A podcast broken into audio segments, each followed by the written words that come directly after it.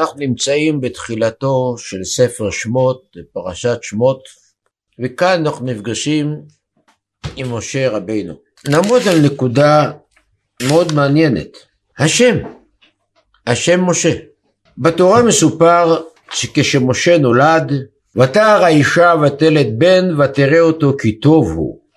ואמרו חז"ל ובא ברש"י נתמלא הבית כולו אורה. ראו שזה לא ילד רגיל.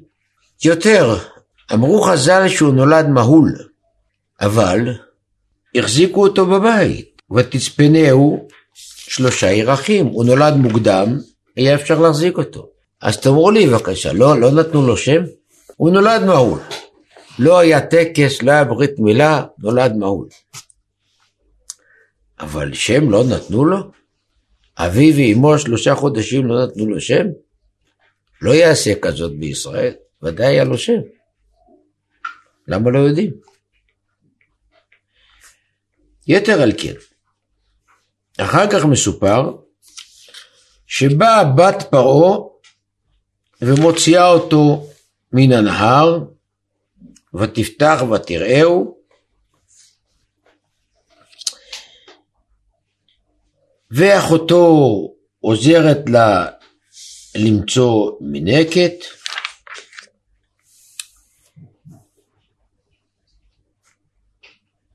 ויגדל הילד ותביאו לבת פרעה כשהוא כבר גדול ותקרא שמו משה. ותאמר כי מן המים משיתיהו. תקרא שמו משה. כי מן המים משיתיהו. אז לא ניכנס למה דווקא משה כי מן המים, כבר דיברו על כך כל הפרשנים, אבל השאלה היא, אותה בת פרעה קרא לו שם, והשם הזה נשאר לדורות. לא השם שאביו ואימו קראו לו, והוא חזר הרי לאימו, היה יונק שם, רק כשגדל, היא קראה לו את השם. במדרש נאמר שעשרה שמות היו למשה. עשרה שמות, ומכל השמות בתורה מוזכר רק משה, וכך לדורי דורות אנחנו קוראים משה. למה? הלא דבר הוא. רבי יהודה הלוי, כשהוא רוצה לתאר את דמותו של משה רבינו בספר הכוזרי, הוא כותב כך: אמר החבר, אם יימצא בן אדם אשר יבוא באש ולא תשרפנו, ויעמוד זמן רב בלי מאכל ולא ירעב, ובאור פניו יקרון אור שאין העין יכולה לעמוד בו, ולא יכלה ולא יחלש. עד שבהגיע לאחרית ימיו ימות לרצונו. כמי שיעלה על מיטתו לישון ביום ידוע ובשעה ידועה. ונוסף על כל אלה ידע תעלומות מה שהיה ומה שיהיה. האין מדרגה זו נבדלת הבדל עצמי ממדרגת בני אדם?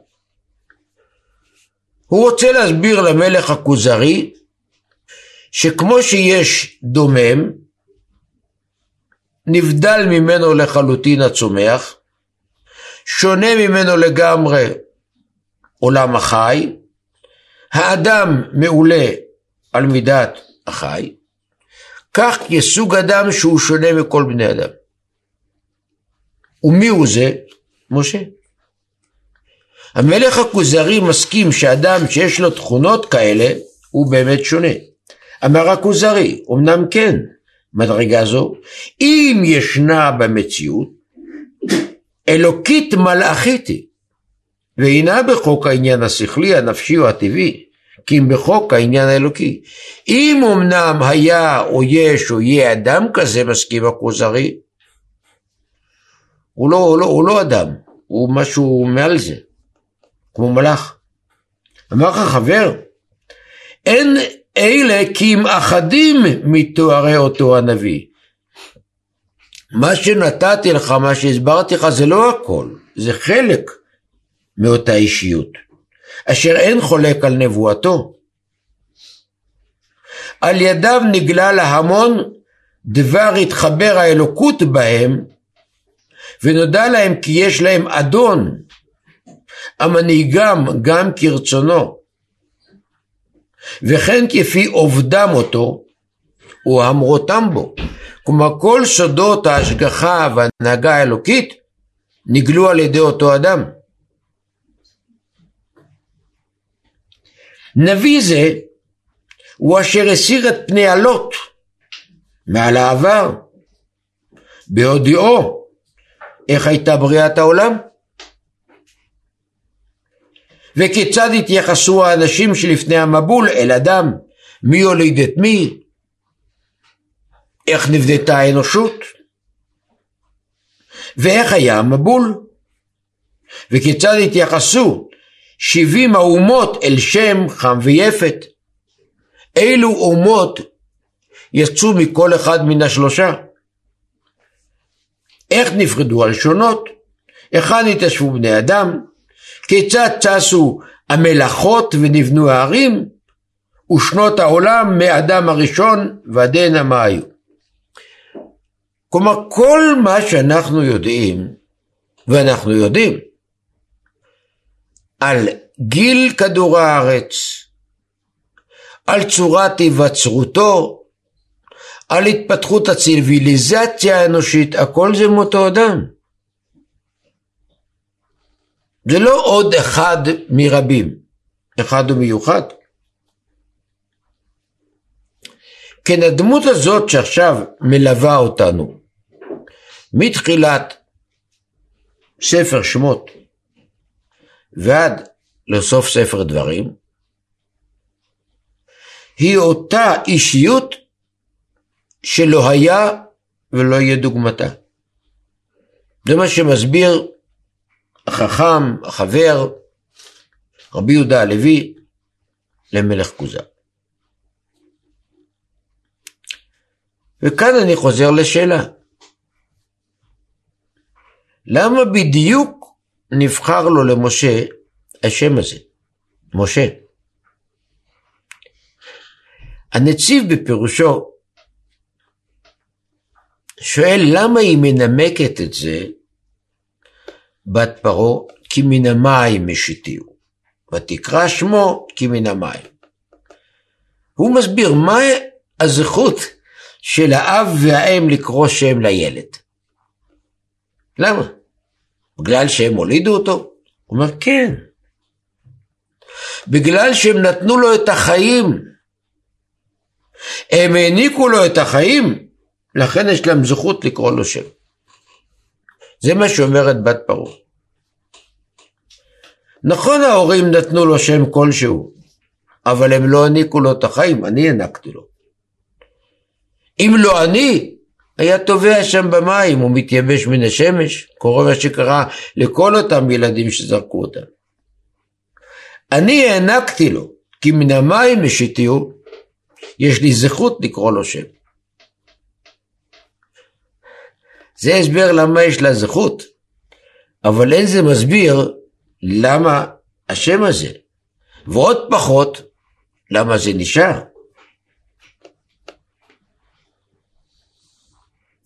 ככה קורא לו הקדוש ברוך הוא. הקדוש ברוך הוא נגלה עליו בסנה והוא קורא לו בשם הזה. לא באף אחד מעשרת השמות.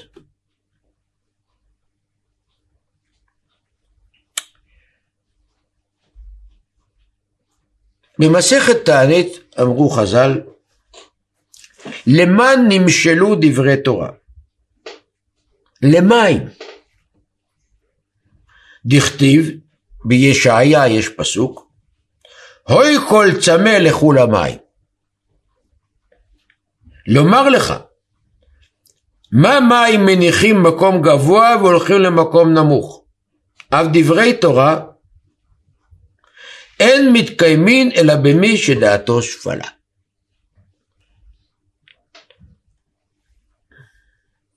מאמר זה אומר דורשני. מה חז"ל באו להגיד? שדברי תורה צריך אה, אדם להיות ענב, שפל רוח, בסדר, זה המשפט האחרון. דברי תורה אין מתקיימין, אלא מי שדעתו שפלה. בדרך כלל נותנים משל לדבר שקשה להבין אותו, הוא עמוק, הוא מופשט, אז המשל בא לסייע לנו לרדת לעומק העניין. כאן הדברים אה, הם פשוטים. היגד מאוד מאוד פשוט.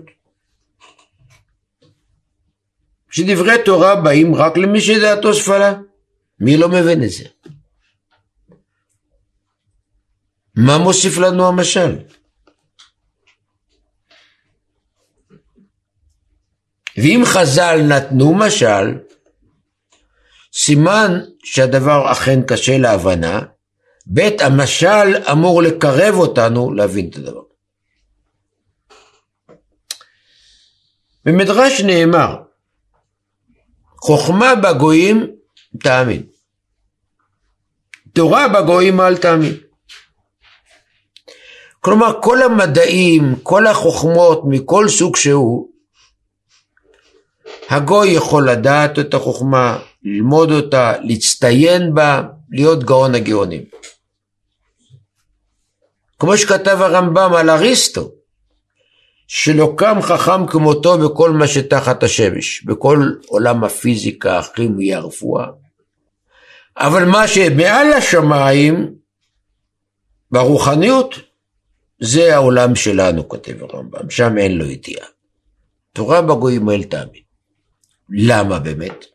התשובה היא מפני שהחוכמה שהיא בטבע, היא בחומר, מספיק לאדם להיות יצור חומרי, עם ראש חזק, עם רצון חזק, עם הרבה עמל והגיעה. אף אחד לא נהיה חכם לבד. אבל זהו, זה מספיק. אין צורך בשום מעלות רוחניות, אין צורך בתיקון המידות. אדרבה, כל הגדול מחברו גאוותן ממנו. כל גדולי המדע בכל ההיסטוריה היו בעלי גאווה עצומה. וניהלו מלחמות גדולות מי גילה את התגלית. יש מלחמות בין גדולי המדע עשרות שנים היו. בניוטון ללייבניץ הייתה מלחמה עצומה. מי גילה את המתמטיקה, את ההתפתחות שלה וכדומה. וכך בהרבה הרבה תחומים. מעולם, ואני חוזר מעולם, לא הייתה להם מעלה של ענווה. לפעמים מידות כמה טובות, לפעמים גם זה לא. זה לא תנאי ולא מקדם, שום דבר. חוכמה בגויים תאמין. תורה בגויים אל תאמין. למה? כי תורה צריכה מעלות רוחניות. התורה נקנית במ"ח דברים, אומר התנא בפרקי אבות. ובראש וראשונה ענווה. ונחזור איפה למשל. כמו שהמים הולכים ממקום גבוה לנמוך, כך דברי תורה רק ממקום גבוה לנמוך, הווה אומר לבעל ענווה. אבל עדיין לא הבנו מה המשל עוזר לנו. יפה. תורה זה לא כמו מדע, זה לא כמו חוכמה, הולכת רק לענבים. מה המשל? המהר"ל, זיכרונו לברכה, בכמה מקומות מתייחס לעניין. הוא מסביר כך: מה ההבדל בין הנוזל, בין המים שהם הנוזל הטבעי, לבין המוצק? אומר המהר"ל, למים אין מקום בכלל. אין להם מציאות של מקום. הם מתפזרים על השטח בצורה אופטימלית, כשם שהם יכולים. בניגוד למוצק שיש לו פיגורה. המוצק תוחם את עצמו. למים אין תחומים. אם לא נציב למים גדר ממוצקים, המים נוזלים. גולשים, מתפזרים, אין להם שום צורה. וברור שממקום גבוה למקום נמוך. לעומת זאת המוצק, יש לו מקום, הוא תוחם את עצמו. אם אנחנו ניקח ספר, הנה, הגבולות שלו ברורים, הוא מוצק. לא ניתן להרחיב אותו, הוא יישאר כך תמיד. וכך למן החלקים הקטנים ועד להרים הגבוהים. הר זה הר, גבעה זו גבעה, בניין זה בניין, בין אם יש לו צורה מעוצבת על ידי האדם, בין אם צורה בטבע. אבל מעצם היותו מוצק, הוא מגביל את עצמו. הווה אומר הוא ישות. ישות מוגבלת. אני כאן, אני כך, אני כזה. המים הם בחינת התבטלות. אין מציאות של מים. אין להם מקום, אין להם צורה. השאיפה הטבעית של המים זה להיעלם. להיעלם. חוכמה אנושית נמשלת לטבע, לחומר. היא מוגבלת בתוך עולם החומר. יש לה את החוקיות של החומר, את המציאות של החומר. לכן היא בהחלט יכולה להיות גם אצל אדם חומרי, חומרני, תאוותני, חייתי, כלל לא חשוב. התורה היא אלוקית. אין לה מקום בכלל. היא מופשטת. כמו שבורא עולם אין לו מקום. אין לו גבולות, גם לתורה אין גבולות. ולכן אצל אדם שיש לו גבולות היא לא יכולה להיכנס. הוא מדי קטן בשבילה. אדם שהוא חומרי הוא מוגבל, כי כל חומר הוא מוגבל. והתורה היא חסרת גבולות. איך היא תיכנס לתוך אדם מוגבל? האדם שאומר ככה אני וזהו אני ואני קיים ואני מצטיין באלף בית ג' ד' הוא מוגבל. התורה לא יכולה להיכנס. לעומת זאת, אצל אדם שלא מוגבל, היא יכולה להיות. זה מה שחז"ל באו ואז מתקיים הכלל, ככל שהאדם הוא יותר מבוטל, הוא פחות קיים, החוכמה זורמת אליו באיכות גבוהה יותר ובמהירות גבוהה יותר.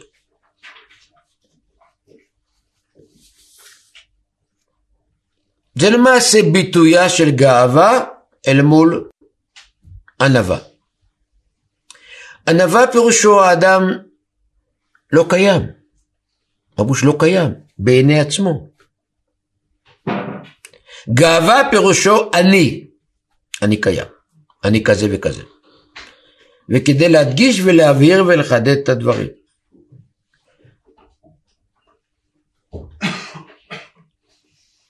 אין פירושו של דבר שהענב לא יודע את מעלתו ואת דרגתו. הוא יודע. אבל היא חסרת משמעות אצלו. היא חסרת משמעות, זה ככה זה, זה נתון. ההגדרה של ענב וגאוותן היא סובייקטיבית, לא אובייקטיבית. איך הוא רואה את עצמו.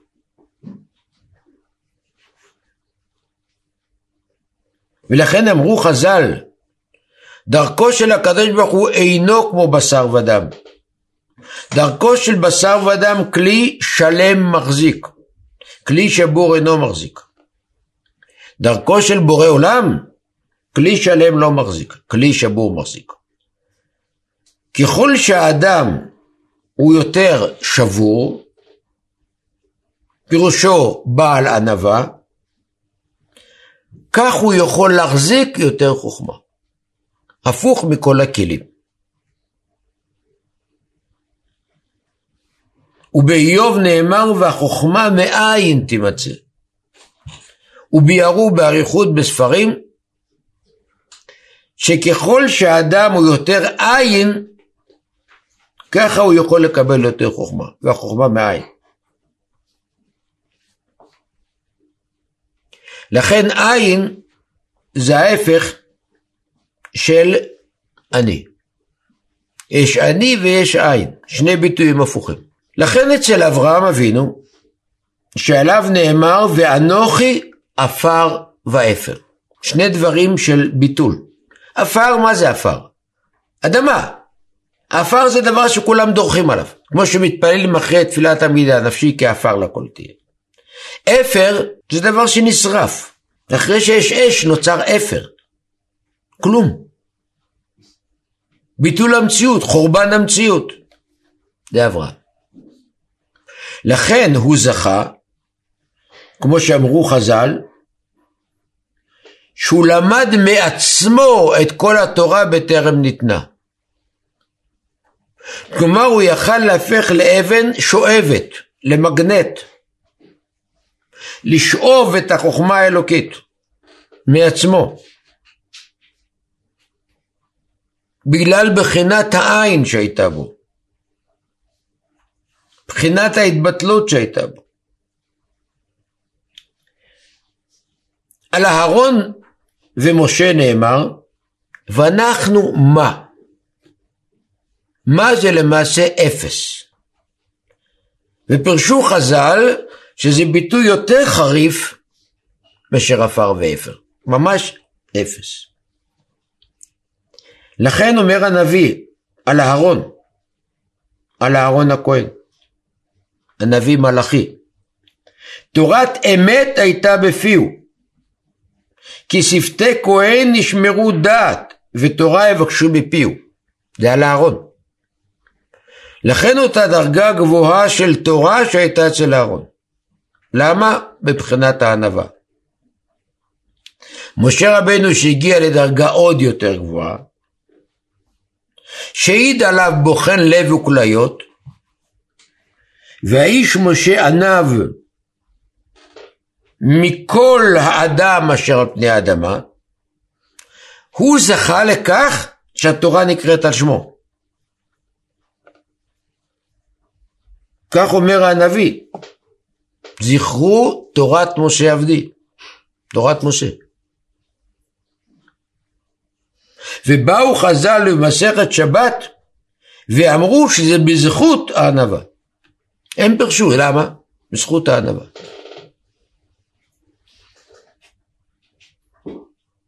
הרי המידות והמעלות של משה זה אין ספור, כמו שהתחלתי עם דבריו של הכוזרי. אבל חז"ל פירשו שמכל אותן מעלות, שהדעת לא תשיג אותן, המעלה שזיכתה אותו להיקרא נותן התורה, תורת משה, היא דרגת הנבואה, היא דרגת הענווה. לכן הוא זכה לאותה דרגת נבואה שאין דמיון לה. זאת ההתבטלות המוחלטת. זה מה שאמר הקדוש ברוך הוא למרים ואהרון, לא כן עבדי משה. וכל ביתי נאמן. כלומר אנחנו רואים כאן מתאם, מתאם בין לבין. מידת הענווה היא הכלי לקבל את התורה. לכן אמרו חז"ל, שהקדוש ברוך הוא נגלה אל משה בסנה. בפרשה שלנו מסופר הקדוש ברוך הוא נגלה למשה בסנה. וכי צריך הקדוש ברוך הוא איזה שתיל, איזה צמח, איזה עת לגלות. הלוא כל דבר ללמד בה. אלא הסנה הוא שיח קטן. לא נגלה הקדוש ברוך הוא על ידי ארז, או תמר, או עצים גדולים נהדרים ויפים. שיח קוצני קטנטן, סנה. להראות שזו הדרך של התגלות האלוקית. כדקה או שפל רוח אשכון.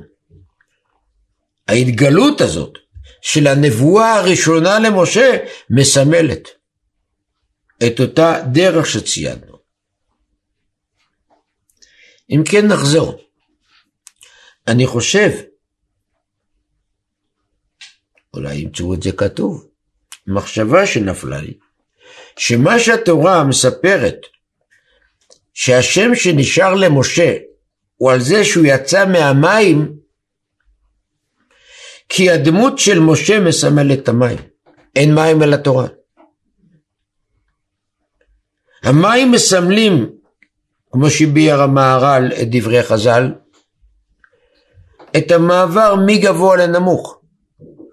וככל שזה נמוך יותר, מקבל יותר. המעבר של התורה משמי רום, בא משה והורידה למטה, התאפשרה אצלו כי הוא היה בחינת מים. בחינת מים היא אותה בחינה של ענווה.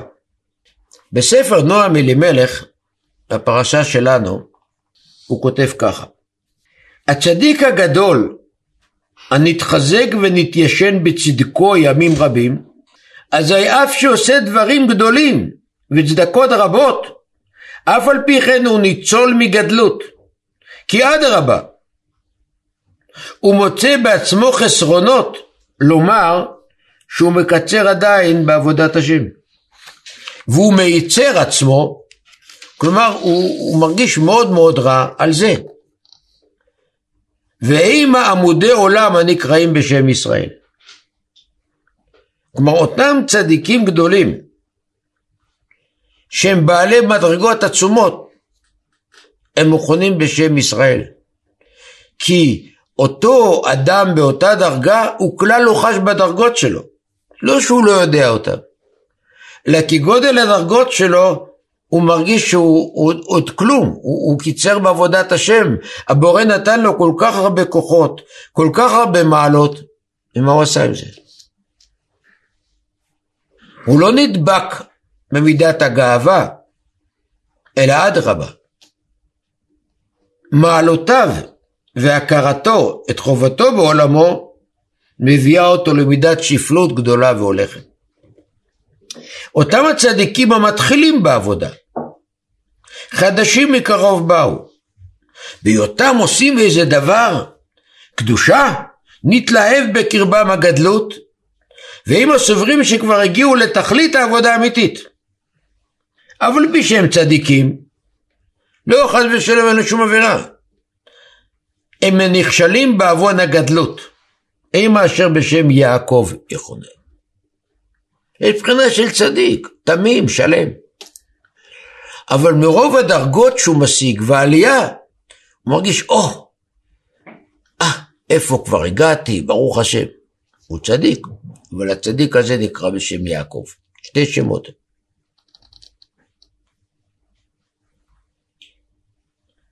ובמקום אחר, פרשת נוח, הוא מוסיף, לפי שכשאדם סובר בעצמו שהוא צדיק, אז הוא נופל עם מדרגה. אף אם היה באמת צדיק, על ידי המחשבה הזאת הוא נופל עם מדרגה שלו. הוא באמת צדיק, אבל עצם זה שהוא מרגיש שהוא צדיק, זה דרגה מסוימת.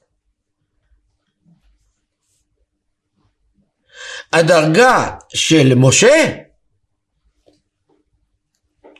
ואנחנו מה?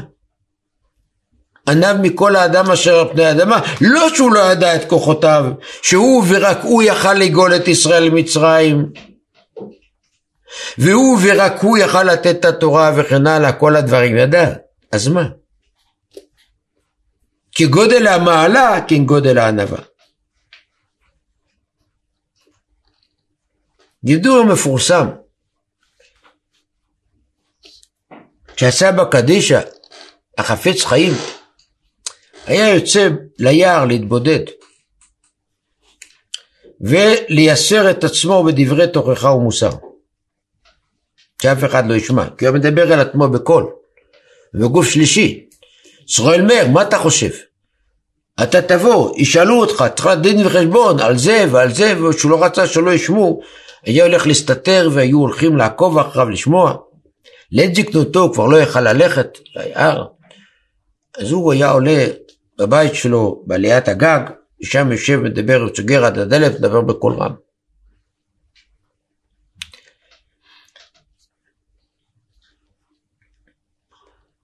גדול בעלי המוסר של הדור שעבר, המשגיח דמיר, רבי ירוחם, לפני כן היה משגיח בישיבת רדין אצל רבי יצחק. ופעם הוא רצה לשמוע מה רבי יצחק מדבר עם עצמו. איך הוא תובע מעצמו דין וחשבון. אז הוא זחל לעלייה ופתח קצת את הדלת, לשמוע מה, מה הזקן מדבר עם עצמו. סיפור אמיתי. אחרי כמה דקות הוא התעלף, וגררו אותו משם למטה. הוא שמע את החריפות של הדברים. והרב יצחק מדבר עם עצמו. עד כמה אינו עומד כלל בדרגות של עבודת השם, עד כמה כלל לא, לא, לא עולה כמו שהיה צריך לעלות, מה יתבעו ממנו, איזה דין וחשבון נוקב יהיה לו. וזה, הוא התעלף. זה מה שאומר כאן הנורמה אלימלך. אותם צדיקים, הם נקראים בשם ישראל. צדיקים אחרים בשם יעקב. הבחינה של משה רבנו היא הבחינה הגבוהה ביותר. כי מן המים השיתיהו. הוא תמיד בחינה של מים. הוא תמיד בחינה של חצר צורה, של חצר יש. הוא מוחל על כבודו ויורד לכמה אנשים נרגנים. ואנחנו מה כי תלינו עלינו? מחוללי ריב ומחלוקת. הוא מוחל על כבודו, הוא מלך. ויהי בישור מלך זה משה. ועד כדי כך גודל הענווה שלו, שאפילו אחותו, אפילו אחיו, לא עמדו על דרגה שלו. הם חשבו שהם בדרגת משה, רק במשה דיבר השם גם בנו. הם חשבו שדרגת הנבואה שלו היא כמו שלהם. עד כדי כך. ואיש משה ענב מכל האדם. אפילו הם לא עמדו על הדרגה שלו.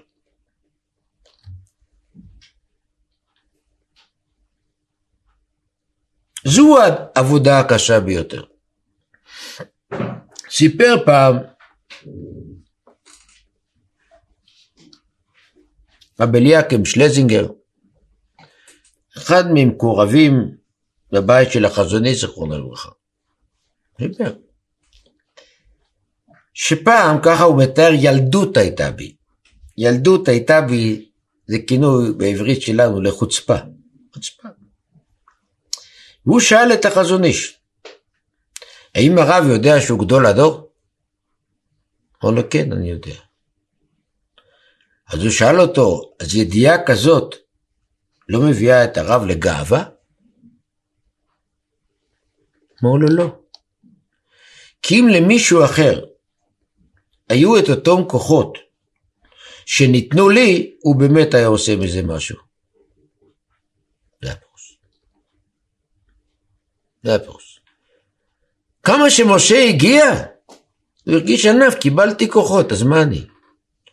הלא ידועה אמרתו של רבי ישראל סלנטר. אז מה אם יש לי מוח כמו אלף אנשים? הגאונות שלו הרי הייתה לא נתפסת. כולם יודעים שהוא היה בעל מוסר, מייסד תנועת המוסר, הגאונות שלו. בגיל 12 הוא כבר ידע כל הש"ס והרמב"ם. מה שלא לא נתפס. אומר, אז מה? זה קיבלתי מהקדוש ברוך הוא. אז, אז במה יש לי להתגאות? הפוך, ככל שהאדם יודע יותר את הכוחות שיש לו, הוא מרגיש את עצמו חייב יותר. מה אשיב להשם כל תגמולו היא עליי? אז מה עם כוס ישועות אשא? בשם השם אקרא, זה הכוס שלו. כי מן המים משיתיהו. המציאות של משה רבינו זה המים, לכן הוא נקרא בשם הזה. והוא ממשיך בקטע אחר, יש שתי מדרגות של צדיקים. יש צדיק שאינו משגיח כלל על העולם, רק כל עבודתו לזכח לתקן נשמתו, להעלותה לשורשה למקום מחצבתה. כך אומר הנועם אלימלך. הוא מתבודד, הוא עוסק בעבודת השם, לא אכפת לו מאף בן אדם, משום דבר. עובד את השם בצורה נפלאה. יש צדיק קדוש וטהור שהוא דואג ומייצר תמיד על צרות ישראל. וכל מגמותיו ומחשבותיו לעולם כולו להשפיע. המשגיח על העולם להשפיע עליהם תמיד, הוא נקרא יעקב. הצדיק שאינו משגיח על העולם להשפיע עליהם, אלא על נשמתו, להעלותה לשורשה, הוא נקרא בשם ישראל. הוא בדרגה הרבה יותר גבוהה. אין לו קשר עם האנשים, שום דבר לא מפריע אותו, שום, מה שצדיק נסתר מה שנקרא. ושכל גדולי העולם רצו להיות צדיקים נסתרים. משה רבינו סירב שבעה ימים להיענות לבקשתו או לדרישתו של בורא עולם לגאול את ישראל. למה? מבואר בספרים הקדושים כי משה במדבר היה עובד את השם בצורה נוראה, לכן הוא התבודד וכן נשים. מייחד ייחודים שאין דוגמה להם. וזה מה שהוא רצה. אבל אני לא רוצה לרדת, לא פוליטיקה, לא מנהיג, לא גואל, לא נותן התורה, אני רוצה להמשיך לתקן את נשמתי, לעלות אותה לדרגה הכי גבוהה שיכול להיות. שלח נביא תשלח. יש אהרון, הוא המנהיג שם, תיתן לו את התפקיד, הוא יוכל ללכת לפרעה. זה הבחינה הגבוהה. והיא צורך האדם וצורך השכינה. זו הדרגה ישראל, אומר דומה אלימלך. יש צדיק שהוא אכפת לו מהכלל ישראל, וכואב לו את הכאב שלהם, ו- ו- וכל מה שהוא עושה זה להשפיע על העולם טוב, זה דרגת יעקב. יעקב. דרגה נמוכה. שתי דרגות.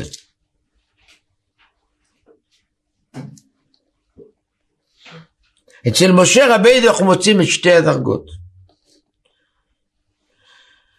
משה רבינו רואה את צאן יתרו במדבר עד גיל שמונים. בלי קשר לאף אחד. מתבודד, כך עשו אבות הקדושים. אומר רבנו בחי, להם הם היו רועי צאן. להיות עם עצמם רחוק רחוק מכל השפעה, מכל אדם שהוא. כל קשר עם בני אדם מוריד את האדם. מוריד. מי לנו גדול מהרב מבריסק? איש האמת וטהרתה. איש שיראת השם שלו הייתה נורא. הוא אמר על עצמו. שהוא מרגיש שיש לו תחושה שכאן בארץ ישראל הוא ירד מדרגתו. מידת האמת שלו התעממה יותר, כי יש לו יותר קשר עם אנשים. בבריסק הוא היה הרבה יותר מסוגר, יותר מבודד, והייתה לו דרגת אמת גבוהה יותר. ככה הוא בעצמו העיד על עצמו. משה רבינו, באותו שום ישראל. אבל הנה התורה מראה, ארבעים שנה אחרי כן, משה רבינו מנהיג את ישראל, מחובר לישראל, מאציל על ישראל. הוא חי 120 שנה. בארבעים שנה האחרונות שלו, וכך אמרו חז"ל על עוד כמה מגדולי ישראל שחיו בתקופות מכריעות. על רבן יוחנן בן זכאי, על הלל הזקן ועל רבי עקיבא. ארבעים שנה למדו, ארבעים שנה לימדו, ארבעים שנה עסקו בפרקמטיה, בענייני העולם. מעניין, בדיוק אותן דמויות.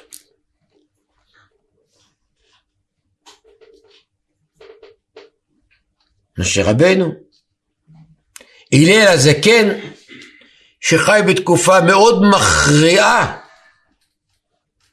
עובדה, הוא בא לארץ ישראל, אף אחד בכלל לא ידע אפילו הלכה פשוטה. גם לא ראשי הסנהדרין, מה יש לעשות כשייפול ערב פסח בשבת? והוא התחיל לרומם, ממנו מתחילה לצמוח הנשיאות, דורות של אבות התנאים.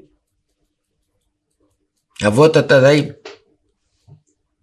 רבן יוחנן בן זכאי, חי בתקופה הגורלית ביותר. בית המקדש נחרב, בעם ישראל יש בריונים בעלי אגרוף ששולטים, אינם מתחשבים אפילו בו, בקושי מילט את עצמו בארון מתים כי מחופש.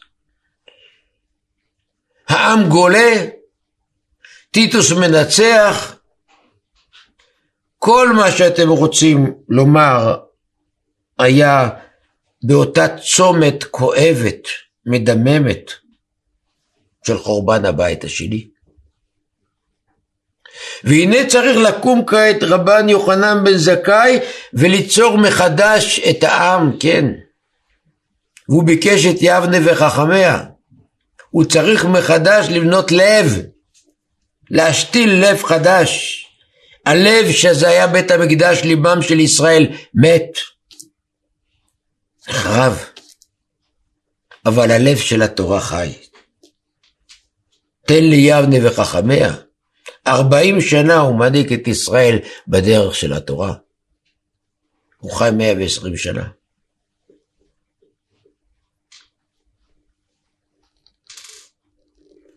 אותה ענווה שהייתה אצל משה, הייתה אצל הלל. כשחז"ל סיפרו סיפורים לרוב על גודל הענווה שלו. קטן בתלמידיו, זה רבן יוחנן בן זכאי, הוא הכי קטן, הוא יכל לא להיות עניו. כי שאומר, מה אני על יד יונתן בן עוזיאל? אני. רבי יונתן בן עוזיאל גדול לתלמידים. אז אני יש לי מה להתגאות. אני ראיתי את הלל, שהוא עוד גדול ממנו, מה יש לי מה להתגאות? איפה אני? אני הכי קטן הייתי. ואותו דבר רבי עקיבא, 120 שנה. 40 שנה, פרקמטיה בעולם. רואה, 40 שנה למד, 40 שנה הנהיג את ישראל. וממנו כל התורה שבעל פה, בהתנסחותה. הוא מתחיל לבנות את המשנה.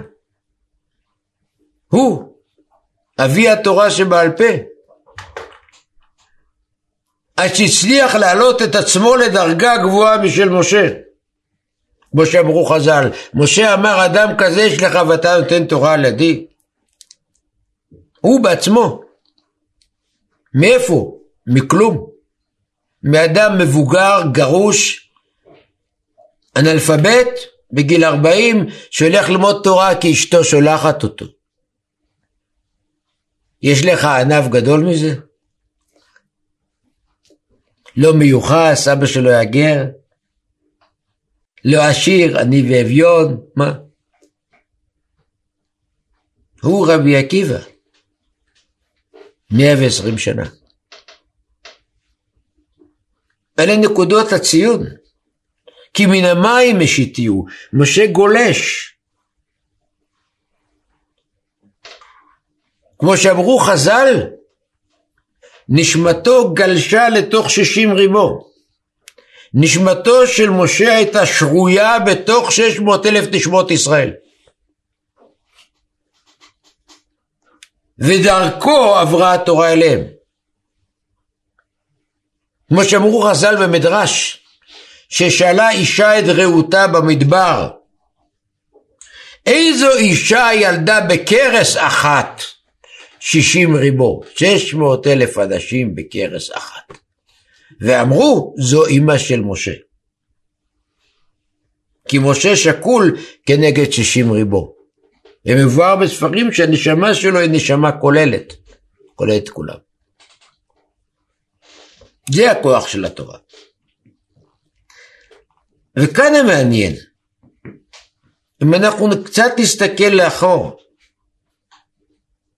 ציינתי ורמזתי וקיצרתי שכגודל חוכמתם של האנשים באומות העולם, גודל גאוותם, גם עד היום הזה. גם עד היום הזה. ולעומת זאת, אצל חכמי ישראל, כגודל חוכמתם, גודל ענוותנותם. אולי הפוך. כגודל ענוותנותם, זכו להשיג את חוכמתם. אה באתריה, אה באתליה. כי החוכמה מאין תימצא. הקדוש ברוך הוא נותן את החוכמה רק למי שמקיימת בו מידת הענווה. אבל מי שיש בו מידת היש, מידת האני, לא, לא ידע. לא, יכול להיות שהוא יודע לדקלם את הש"ס ואת הרמב"ם ושולחן הוא יכול לדעת את זה, אז מה? אז מה? הוא יכול להיות אה, פרופסור למדע היהדות. אבל לא תורת השם. הוא לא ידע לעסוק שמטה ליבא דהלכתא. והשמטות שלו לא יהיו הבל הבלים. בדיוק כמו פרופסור למדעי היהדות. יש כאלה יודעים גם את הזוהר בעל פה, זה הכל. אז מה? כלום. אין התורה ניתנת אלא מי שיש בו כל אותן מידות. נעלות, זה ההבדל. כי אורייתא וקודשא בריחו חדו. חדו.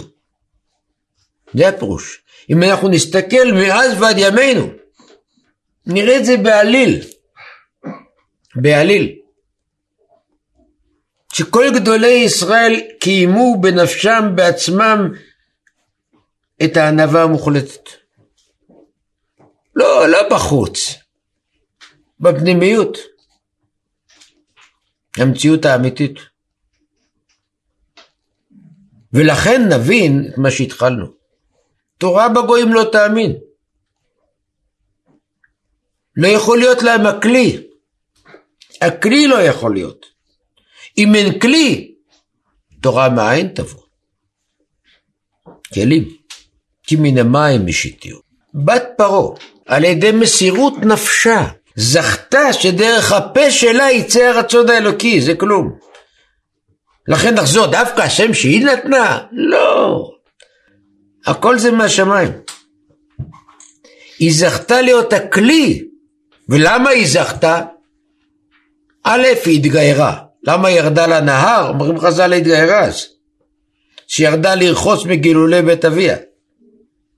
קודם למצווה הזאת שהתגלגלה לידה, שאין ארוך לה, להציל את משה מהמים, היא התגיירה. ומצווה גוררת מצווה. הזכות הזאת שהתגלגלה לידיה להציל את משה, נתנה לה את הקופירייט, נתנה לה את הזכות כי מן המים משיתיהו להיות צינור לרצון האלוקי שמשה ייקרא על שם המים. לבטא את הכוח המיוחד שניתן בו, מים. את אותה ענווה גדולה שהוא היה מוכרח להגיע אליה, בצד יתר המעלות, כדי להיות, כמו שאמר החכם למלך הכוזרי, להוריד את כל החוכמה האלוקית, עד שעליו נאמר ותקסרהו מעט מאלוקים. מ"ט שערי בינה ניתנו לו, ומעט גם מן החמישים, כמו שביאר הרמב"ן באריכות בהקדמתו לתורה. כי מן המים השיתיהו. וכל זה בזכות אותה ענווה שהיא מידת המים, המים בלבד. שום חומר בעולם אין לו. לכן המשילו את זה חז"ל למים. ולכן שמו של משה נקרא על המים.